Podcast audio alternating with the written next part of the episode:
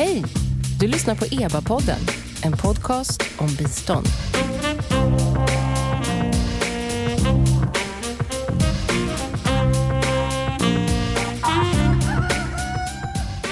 Välkomna till EBA-podden. Jag heter Noomi Östlund och den här podcasten ges som vanligt ut av Expertgruppen för biståndsanalys, EBA.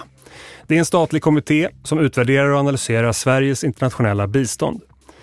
Ni som följer EBA vet att vi precis har publicerat vår årsrapport, Biståndsanalys 2022. Den beskriver vad expertgruppen kommer fram till baserat på arbetet 2021 och blickar framåt. Den finns självklart såväl digitalt som i pappersformat och inläst som ljudbok, både på hemsidan och som man brukar säga där poddar finns. Men för er som lyssnar på vår podd tänkte vi traditionsenligt också erbjuda ett avsnitt där vi lyfter några höjdpunkter och kanske ytterligare perspektiv i ett eh, samtalsformat. Så tillsammans med dagens gäster kommer jag prata om EBAs kanske mest spännande slutsatser från förra året och eh, göra lite framtidsspaningar. Med mig i studion idag har jag därför ett utsnitt eh, med representanter ur EBAs expertgrupp. Men eftersom inte alla har plats framför micken allihop på samma gång så ska vi börja lite samtalet med Helena Lindholm, EBAs ordförande. Välkommen! Tack så mycket! För de som inte eh, lyssnar på podden varje gång när du är med och som inte känner dig, vad gör du i det civila? Ja, när jag inte är ordförande för EBA så är jag professor i ett ämne som heter freds och utvecklingsforskning vid globala Eh, vid institutionen för globala studier i Göteborgs universitet. Och så gör jag lite andra saker också, men det är kanske det som är viktigt. Ja, och eh, jag tänkte egentligen att bara för att ge en liten bakgrund till, till samtalet om, om biståndsanalys 2022 och vad Eva kom fram till, att vi börjar med, den, den blickar ju också lite bakåt eh, den här skriften och om du som ordförande skulle sammanfatta biståndsåret 2021, vad, vad är de viktigaste sakerna som du och expertgruppen såg? Ja, det är ju omöjligt att inte poängtera att eh, 2021 var det andra pandemiåret och att eh, konsekvenserna utav pandemin för eh, fattigdom i världen, för demokratifrågor, för i princip alla frågor som biståndet eh, hanterar, eh, ja, fick väldigt stora eh, konsekvenser eh, på de områdena. Och när biståndsanalys skrevs, då var det ju ändå på något sätt att nu är vi på väg ut ur pandemin. Nu ser vi, blickar vi framåt. Sedan dess har, har kriget i Ukraina brutit ut. Vad, vad ser vi idag? Nu har vi ju nästan eh, glömt eh, pandemin för att vi lever i en annan eh, så väldigt omfattande global kris. Man kan kanske definiera eh, pandemikrisen som en sorts eh, kluster eller kaskadkris eftersom de hade effekter på i princip alla samhällsområden eh, globalt sett.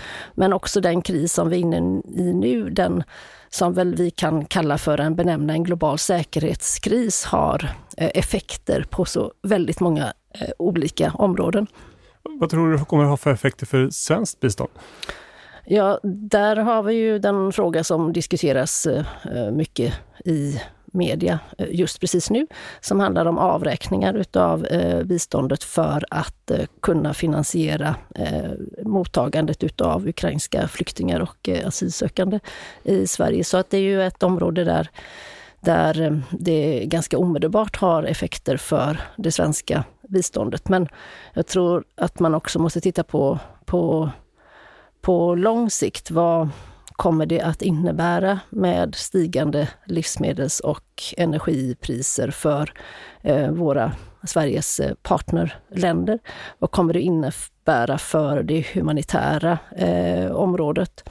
Där vi ju eh, som sagt och såklart inte kan veta vad som eh, kommer att hända, men att det kommer att få effekter, det tror jag att man kan veta ganska eh, bestämt. Om man ser tillbaka till, nu tittar vi på biståndet och utvecklingen i stort. Om vi, vi smalnar ner väldigt, väldigt mycket till EBA. Vad, hur såg du på EBAs år eh, 2021 och nu starten 2022 då eftersom det har förändrats så mycket? Vi gör ju våra rapporter så att säga oberoende eh, utav det och eh, vi har producerat rapporter på en rad eh, områden, till exempel vad gäller eh, normer. Vi har, har, producerat rapporter om utvärderingar och deras eh, tillförlitlighet. Vi har gjort en rapport om valstöd som ju faller inom demokratiområdet. Så att EBA har ju sin, eh, sin verksamhet oavsett eh, så att säga och våra rapporter berör ju andra eh, frågor. Är det några särskilda mm, slutsatser som du kände, några särskilda eh, resultat från, från 2021 som, som du särskilt vill betona?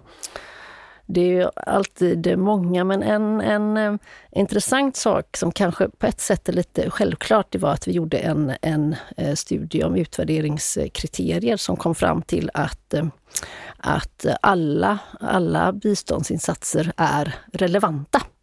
Vilket innebär att eh, då kanske man måste fundera på begreppet relevans för vem är något relevant? När är något relevant och ur vilket eh, perspektiv? Att annars kanske våra, de kriterier som används i biståndet riskerar att eh, urvattnas. Det är inte helt oproblematiskt att allting är relevant. För, för på, ett, på ett plan så tänker man perfekt, allting är relevant, vad bra, vi gör, vi gör rätt saker. Ja precis, men eh, kanske är det så att allting är relevant när det sätts igång därför att det kriteriet handlar väl mer om vilken typ av insatser vi gör, men kanske inte är relevant att använda som ett utvärderingskriterium. Men en annan fråga, tänker jag, om man, om man ser på EBAs verksamhet 2022, eh, nu är det valår. Vad betyder det för, för en kommitté som EBA? Egentligen så betyder det ju inte Eh, formellt inte så mycket eftersom vi har vårt uppdrag ifrån eh, regering och eh, ytterst definierat utav riksdagen. Och det uppdraget det fortlöper, eh, liksom valår eller inte valår. Men sen är det klart att biståndet är en politisk fråga och en politiserad fråga där riksdagspartier tycker olika och där biståndet diskuteras och debatteras, både dess omfång, hur det riktas, vilka områden som ska prioriteras, vilka länder som ska prioriteras eh, och så vidare. Så det är klart att på sikt har det naturligtvis eh, konsekvenser för EBAs eh, verksamhet. Men inte att det är valår i, i sig, annat än på det sättet att biståndet debatteras på andra sätt än andra år. Det borde finnas fler intresserade läsare av Evas produkter helt enkelt ett år som detta. Det skulle jag tro att det gör. Vi får hoppas det helt enkelt. Mm. Bra, med det eh, skulle jag tacka dig Helena mm. eh, för det här samtalet. Så ska vi bjuda in resten av våra kollegor. Ja, helt enkelt. Tack så mycket.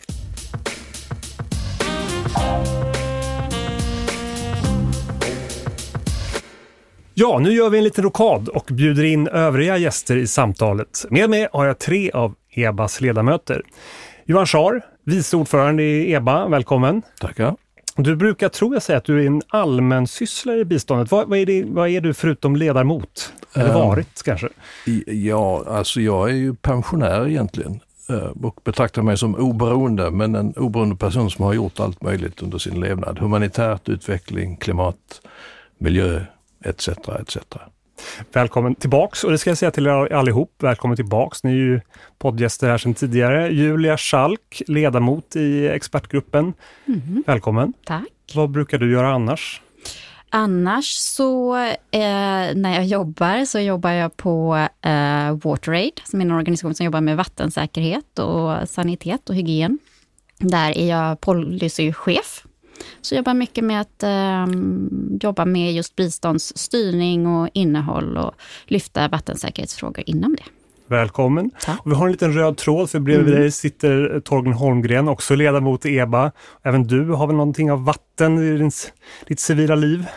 Det stämmer bra det. Jag är VD och chef för Stockholm International Water Institute, CIVI, som jobbar med vattenfrågan, liksom Julia, runt om i världen med hur vi hanterar de knappa vattenresurserna. Välkomna alla tre. Och vi, vi har ju precis haft en inledning med Helena, pratat lite om eh, förra året och biståndsanalys och eh, var vi är i världen idag med, med eh, situationen i Ukraina och så vidare. Eh, så jag tänkte egentligen knyta tillbaka samtalet till biståndsanalys. Eh, eh, där presenterar expertgruppen slutsatser eh, eller bidrag från EBA inom ett antal viktigare områden. Och i, i, årets rapport handlar det ju bland annat om korruption, det handlar om bistånd till utmanande miljöer, normer och värderingar och utvärderingars kvalitet. Eh, jag tänkte bolla över till er istället för att liksom gräva ner mig i de här områdena. Så tänkte jag säga, vad tyckte ni var mest spännande eh, i det underlag som EBA tog fram förra året? Vad säger ni? Vem vill hugga på den? Jag kan börja. Eh, en en rapport som blev, utan att vi hade kunnat förutse det, blev oerhört intressant var såklart eh, rapporten om Afghanistan som vi presenterade den 31 augusti förra året som sammanföll precis med att eh, internationella, hela internationella samfundet höll på att evakuera från Kabul med en väldigt dramatisk liksom, fond till det som vi då presenterade. Och, och vi fick då med, vi hade eh, generalsekreteraren i Afghanistankommittén var med till exempel vid det seminarium som vi, som vi, när vi presenterade rapporten och den fick då en aktualitet och ett djup och ett allvar som vi eh, eh, alldeles eh, utan att vi hade kunnat förutse det eh, var ovanligt tror jag för, för det vi brukar presentera. Det är svårt att tajma en sån rapport i planeringen. Att börja skriva en rapport om, om Kabuls fall i ja, förväg. Ja. Ja, ja, det var väldigt speciellt. I den rapporten och i biståndsanalys så pekar vi på att att det är svårt, alltså svårigheten att jobba i den här typen av miljöer. Eh, liksom att, att, och att det kräver en, en, stor kontextförståelse för att hamna rätt. Varför är det så svårt att, att göra det? Det här är någonting som återkommer tror jag, i nästan alla EBS-rapporter. Man måste, man måste förstå kontexten mer. Var, varför hamnar man så ofta i, i den typen av problem? Jag, jag, tror att ett, ska vi säga det också, jag tror att den här Afghanistan-händelsen kommer att ha oerhört stor betydelse för hela biståndsvärlden. Man har nu anledning att liksom ompröva och försöka förstå varför hände det som hände trots allt som hade investerats i Afghanistan och så gick det på det här sättet som ingen hade tänkt sig eller, eller eh, kunnat förutse. Men jag tror att ett, ett problem är att biståndet och, och detta internationella system liksom rör sig, har andra kontaktytor och rör sig i en rytm som inte riktigt stämmer överens med den rytm och den, den kontext eh, där så att säga verkligheten utspelas i ett land som Afghanistan. Va? Så det finns redan från början ett liksom systemproblem att de här två världarna har väldigt svårt att förstå varandra och då blir kontextförståelsen också eh, eh, lidande av det skälet. Jag tror det pekar mycket på hur otroligt viktigt det är att jobba i samklang med, med de partner vi har helt enkelt. Att eh, eh, Vi kan inte trycka på förändringar, utan vi måste jobba med förändringar med de samhällen vi jobbar i och då måste man ha väldigt stor förståelse för vad som sker i, det, i det, de enskilda samhällena helt enkelt. Nu säger jag att du inte kanske gjorde det här, va? men jag tror att det är en av slutsatserna jag drar av den här studien också, överhuvudtaget. Hur man ska medverka till att en förändring sker. Då gör man det med de reformchampions som finns i ett land helt enkelt. Eh, vi kan inte komma utifrån och säga trycka in en förändring. Och vad innebär det ja. i praktiken? Behöver man komma ha, ha mer folk på plats? Eller vad, hur får man den här förståelsen och hur får man den här kopplingen till de här championsarna? Jag tror Torgny har rätt i att det är att jobba med eh, aktörer som finns på plats. Det kanske inte är handläggarna på, eh, här i Stockholm eh, som, som ska ta alla de här stora besluten. Utan att, och det tror jag inte heller alltid görs, att det är så, utan man har ett samarbete på plats. Men det finns och det är ju det som gör att det är svårt med bistånd. Jag tror också vi måste, alltså om man tittar på våra studier, och jag tycker bara i den här rapporten när vi tittar på slutsatser, precis som du säger, så är behovet av lokal förankring återkommer gång på gång på gång. Det finns också andra saker som återkommer som behovet av flexibilitet, att kunna jobba holistiskt, att vi måste tänka system. Man kan inte bara jobba med, med en sak. Vi måste se både institutioner och sociala normer samtidigt. Och det här gör ju att det är klart att det, det är svårt att jobba med bistånd. Det får vi nog också säga. Att det, att det, och det kräver en, eh, ett samarbete med, eh, med partners eh, i i länder och att det är väldigt mycket där besluten tas. Och samtidigt har vi då krav på att vi måste ha kontroll och vi måste motverka korruption och vi måste ställa hårda krav, för vi har vissa mål som vi vill uppnå. Och det finns en motsättning i det, eh, som inte är helt lätt att reda ut. Och, och det här med korruption är ju en annan fråga som lyfts upp i biståndsanalys och som lyftes upp i, i rapporter förra året. Eh, som, och där kommer vi fram till flera olika saker. Bland annat tycker jag det är två saker som är spännande. Dels att man inte riktigt vet hur mycket som, som försvinner, om man säger det, i, i korruption i biståndet. Det är ju väldigt många olika siffror som slängs runt och nu har vi egentligen grävt i det där och så kommer man fram till att man inte riktigt vet. Eh, och en annan sak, om man tittar på bistånd för att minska korruption, eh, specifika insatser, att de har haft begränsad effekt historiskt. Blev ni förvånade när ni läste det? Nej. Nej, inte. Jag tror att, eh, och det här har ju, det finns ju liksom hela tiden på agendan det här och det är en prioritet för alla givare att, att bistå i att minska korruption. Men jag tror på något sätt så har biståndet, har inte de instrumenten som påverkar de faktorer som genererar, som skapar så starka incitament för att korruption fortsätter. Vi, vi, eh, jag tror det visar sig, vi, vi kan göra väldigt mycket för att begränsa korruptionen inom biståndet, de medel som vi själva spenderar och kontrollerar och så. Det tror jag vi har gjort väldigt mycket. Och det, jag tror inte det är särskilt mycket som försvinner av själva biståndet. Men att påverka eh, någonting som är ett, ett, ett fenomen som genomsyrar ett samhälle med biståndet som medel, det tror jag är väldigt svårt. Här finns det ju institutionella mekanismer som göder korruption, eller som skapar incitament, precis som Johan säger, till korruption. Jag vet ett exempel när jag jobbade i Östafrika för några år sedan, att eh, det tog 30 dagar, 35, att få ut gods ur tullen i Mombasa i Kenya. Genom att ta bort ett antal processer där, helt enkelt ändra red tape som man säger, då drar du ner incitamenten för att du ska korrumpera eller bli korrumperad helt enkelt. Så jag tror det handlar väldigt mycket om institutionella förhållanden som man kan påverka helt enkelt. Sen har det sagts också emellanåt att eh, med de system som ofta finns i flera länder så är ju korruption nästan till ett, en olja som får maskineriet att funka. Och det är hemskt, men att jag tror att gå, gå direkt på källan, vad är det för mekanismer och hinder helt enkelt som gör att du egentligen premierar eller skapar incitament för ett korrupt beteende? Det, det handlar mycket om det det som var intressant, som faktiskt förvånar mig, det är att man lyfter fram budgetstöd som en lösning. Eller som en, ett, en lösning i alla fall mot korruption, vilket ju också stämmer överens med tanken av att, att stärka lokalt så, så, så mycket som möjligt. Samtidigt som ju man är rädd att ge budgetstöd av just samma anledning, att det är svårare att följa upp eh, eventuell korruption. Och det är ju biståndsform som, som Sverige har minskat mm. eller i princip tagit bort mm. de senaste åren, men, medan eh, vissa andra givare fortfarande arbetar med, mm. bland annat EU. Så det är, det är ju spännande. Um, vad mer var spännande i produktionen? Vad var höjdpunkter som ni fångade upp? Jag lyfter en studie ja. som kanske har fallit under radarn, ja. men jag tror kommer ha stor betydelse framöver.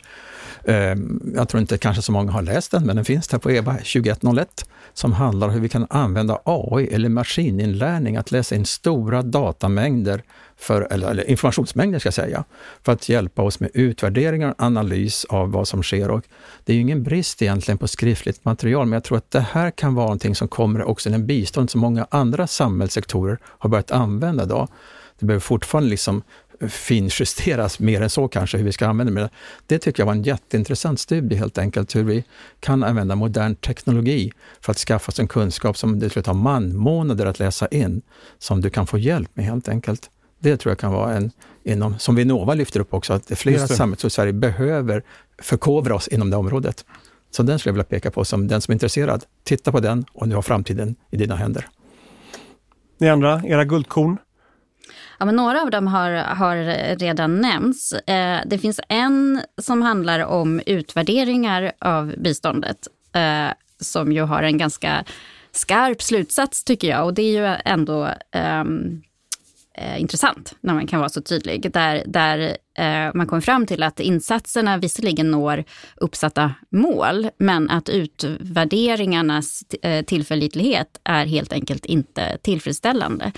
Och det är ju en vad ska vi säga, en, en spännande motsättning på något sätt. Eller en, en ja, ganska hård, hård analys mm. av kvaliteten på de utvärderingar som görs. Verkligen. Eh, men annars har vi en rapport som har eh, tittat på sociala normer som jag tycker är eh, intressant eh, som gjordes eh, av Karolinska institutet, författare där och tillsammans med World Value Survey, ett, ett samarbete. Och de tittade specifikt på frågor om sexuella och reproduktiva rättigheter och hur eh, sociala normer, eh, vi jobbar, kan jobba med att hur olika sociala normer påverkar sexuella och reproduktiva rättigheter. Och det som jag tyckte var intressant i den, det var hur jag trodde socioekonomiska faktorer hade större eh, påverkan på eh, normer kring sexualitet och reproduktion. Att man skulle kunna se tydliga sammanband mellan utbildningsnivå till exempel. Men det var inte så, så tydligt som man, man skulle kunna tro. Eh, det som möjligtvis eh, lyftes fram, det var hushållsekonomin. Att det skulle eh, vara en faktor som bidrog till en mera tolerant syn. Eh, men även där är författarna väldigt försiktiga med att dra några slutsatser. ville de nog egentligen inte. Um, en, en, sak som jag tycker är lite spännande nu, uh. nu precis när vi spelar in den här podden så, är, så är det en stor diskussion om, om avräkningar och vad det innebär för biståndet och, och det lyfts upp mycket om att ja, men nu med de här omfördelningarna så är det så här, så här så här många som blir utan vatten eller sjukvård eller liknande. Men man pratar väldigt lite om, om påverkansarbete och normer och värderingar. Medan eh, skulle man fråga eh, många på både UD och Sida så är liksom det en kärna i det svenska biståndet och har varit länge, påverkansarbete. Det kommer lite i skymundan trots att det nog är en väldigt viktig del av, av verksamheten, eller? Varför pratar man inte om det så mycket? Är det flyger lite under radarn? Ja, alltså i det här sammanhanget när det gäller avräkningsdiskussionen så är det möjligen för att det kanske inte kostar så mycket pengar. Alltså det, det, det kommer inte att märkas om Sverige liksom sänker ambitionsnivån när det gäller att försöka påverka. Men det är väl någonting som pågår ständigt i all verksamhet och är väl en svensk ambition på ganska många områden. Från den feministiska utrikespolitiken till, till andra områden. Vi har precis nu idag har vi pratat om en studie, kanske lite prematurt att säga det här, men vi har gjort en studie av hur biståndet har anpassats under covid-pandemin. Och finner då en intressant eh, eh, iakttagelse är hur, hur väldigt aktivt svenska företrädare på ambassader ute i världen har agerat för att påverka eh, eh liksom öka snabbheten, flexibiliteten bland andra givare, bland eh, FN-organen etc. etc. Att, att liksom adekvat svara mot de behov som plötsligt uppstod. Eh, och det är ju det är ett väldigt konkret eh, påverkansarbete där man försöker gå före och få andra med sig. Det finns nog rätt mycket sådana exempel tror jag.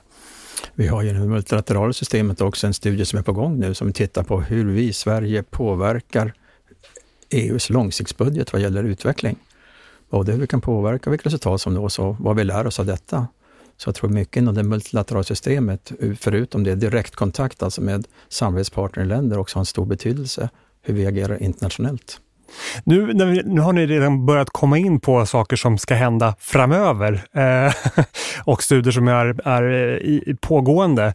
Om vi i biståndsanalys, om vi liksom fortsätter med det temat lite, så finns det ju en framåtblick eh, också och eh, man försöker, vi försöker knyta samman vad betyder det som EBA har sett och vad tror EBA om, om framtiden? Och eh, det är också en fråga som alla ställer sig. Vad, vad ska hända? Eh, och om jag då ställer den frågan till er, vad, vad är de viktigaste frågorna i år och, eller kanske längre fram? Förra året tror jag vi kommer att se många effekter i låginkomstländer av vad som har skett och vad som sker i Ukraina, eller kriget i Ukraina. Förutom när, alltså effekter i närområdet så ser vi redan nu jag var i kontakt med vår ambassad i Egypten här i fredags. Priserna på bröd stiger otroligt skarpt nu som den största importören av vete från Ukraina. Hela arabiska våren bygger egentligen på ett missnöje just på det här området. Vi hade krisen 2008-2009 med livsmedelspriser. Det kommer att få stor betydelse, tror jag nu, i närtid. Sen har vi självklart klimatfrågan. Den har varit lite liksom behind the corner nu på sista tiden, men den kommer att komma. Och vi har ju, på tal om Egypten, är de värd nu för årets klimatmöte som kan, så att afrikanskt perspektiv från anpassningsfrågan kommer att bli väldigt viktig och anpassning också inom vatten och food security. Det tror jag på kort sikt. På lite längre sikt, vad gör vi efter 2030? Vi har hela tiden haft målet inriktat nu på 2030 och SDG, så jag vet, jag har varit med om processen under årens lopp, att vi började ganska lång tid innan 2015 års MDG stod slut att preparera framtiden. Slutligen, lång sikt, och det vill jag ändå säga att eh, det skrevs en studie, eller en rapport förra året om det svenska biståndets embryo från 1945 till 1975. det är snart där. Det är snart hundra år vi på. Vad, hur ska biståndet gestalta sig i framtiden? Det tycker jag är en spännande uppgift att titta på helt enkelt. Fortsätter vi eller gör vi något annorlunda? Det blir en uppgift eh, för Eva att ta tag i eh, under hösten. ja. Julia, dina spaningar? Nej men 22 känns ju som att vi är ju snart halvvägs. Mm. Ehm, jag tror att eh, diskussion kring avräkningarna mm. och den ryckighet och de konsekvenser det får för biståndet kommer fortsätta under året tillsammans med såklart konsekvenserna av Ukraina som Torgny lyfter. Och kanske också fortsatt hur man eh, skapar motståndskraft kring pandemier. Sen tror jag allt det här kan också få oss att börja fundera. Jag skulle kanske vilja, vilja att det leder till att vi funderar på vad biståndet ska användas till när vi har så många globala utmaningar. Eh, där vi ser, vi ser klimatkrisen, vi ser pandemier, vi ser migration. Och biståndet vet vi kan ju inte vara en lösning på allt det här. Eh, så jag tror att vi behöver börja tänka om och det är egentligen in, hela Agenda 2030 går ut på det, hela samstämmighetspolitiken går ju egentligen ut på det. Men jag tror att i år kanske det har blivit väldigt kännbart att vi behöver se globala problem som gemensamma problem och att det måste ha gemensamma lösningar som är långt bortom biståndet. Och då kanske biståndets fokus, vi kanske ska lyfta upp fattigdomsperspektivet i det. Så jag hoppas att vi får en diskussion både förlåt, om globala lösningar och kanske ett eh, nytt, omnytt fokus på fattigdomsperspektiv. En renodling av biståndet? Ja, alltså ja. ja. Eventuellt. Men, men då måste det ju finnas andra lösningar på plats också. Just det. Johan, efter dessa klokskaper? Ja, vad finns kvar att säga? Inte mycket. Men en som ju berör eh, vad både Julia och Torgny har pratat om Eh, vår ibland bristande förmåga att kunna hantera eh, kriser som inträffar nu och inte släppa bollen, inte släppa fokus på de här mer långsiktiga svårigheterna, utmaningarna, problemen som vi hela tiden måste fortsätta arbeta med. Och det var både covid-pandemin och nu kriget i Ukraina gör att eh, vissa mm, oerhört viktiga problem försvinner lite grann från, inte lite grann, försvinner fullständigt från, från dagordningen det pågår allt, allt möjligt vid sidan om det här som nu tenderar att skymma sikten för oss. Och det tror jag är en väldigt, kanske också en uppgift för EBA att hjälpa till att liksom fortsätta fokusera på de här grundläggande, svåra, långsiktiga, strukturella problemen som är långt, långt ifrån lösta. Just det. Fortsatt fokus på de viktiga frågorna trots många olika skeenden. Samtidigt hålla det långa perspektivet och renodla biståndet. Ehm, vi får göra en uppföljning i eh, nästa års biståndsanalyspodd och se om vi lyckades, eh, eller om biståndet lyckades med alla dessa bollar. Med det får jag tacka er för det här samtalet. Tack Johan Schar, tack Julia Schalk och tack Torgny Holmgren. Tack så mycket. Tackar. Tack ska du ha. Och eh, om du som har lyssnat blivit nyfiken på vår årsrapport Biståndsanalys 2022 så finns den såklart att eh, läsa eller ladda hem på eba.se. Det går också att beställa den som pappersmagasin och det kan varmt rekommendera. Eh, det finns både på svenska och engelska. Då mejlar ni bara oss på ud.eba.gov.se så skickar vi den per post. Det går självklart att beställa många ex om man har vänner eller kollegor som också är intresserade av denna fina produkt. Jag heter Noomi Östlund och tack för att ni har lyssnat på EBA-podden.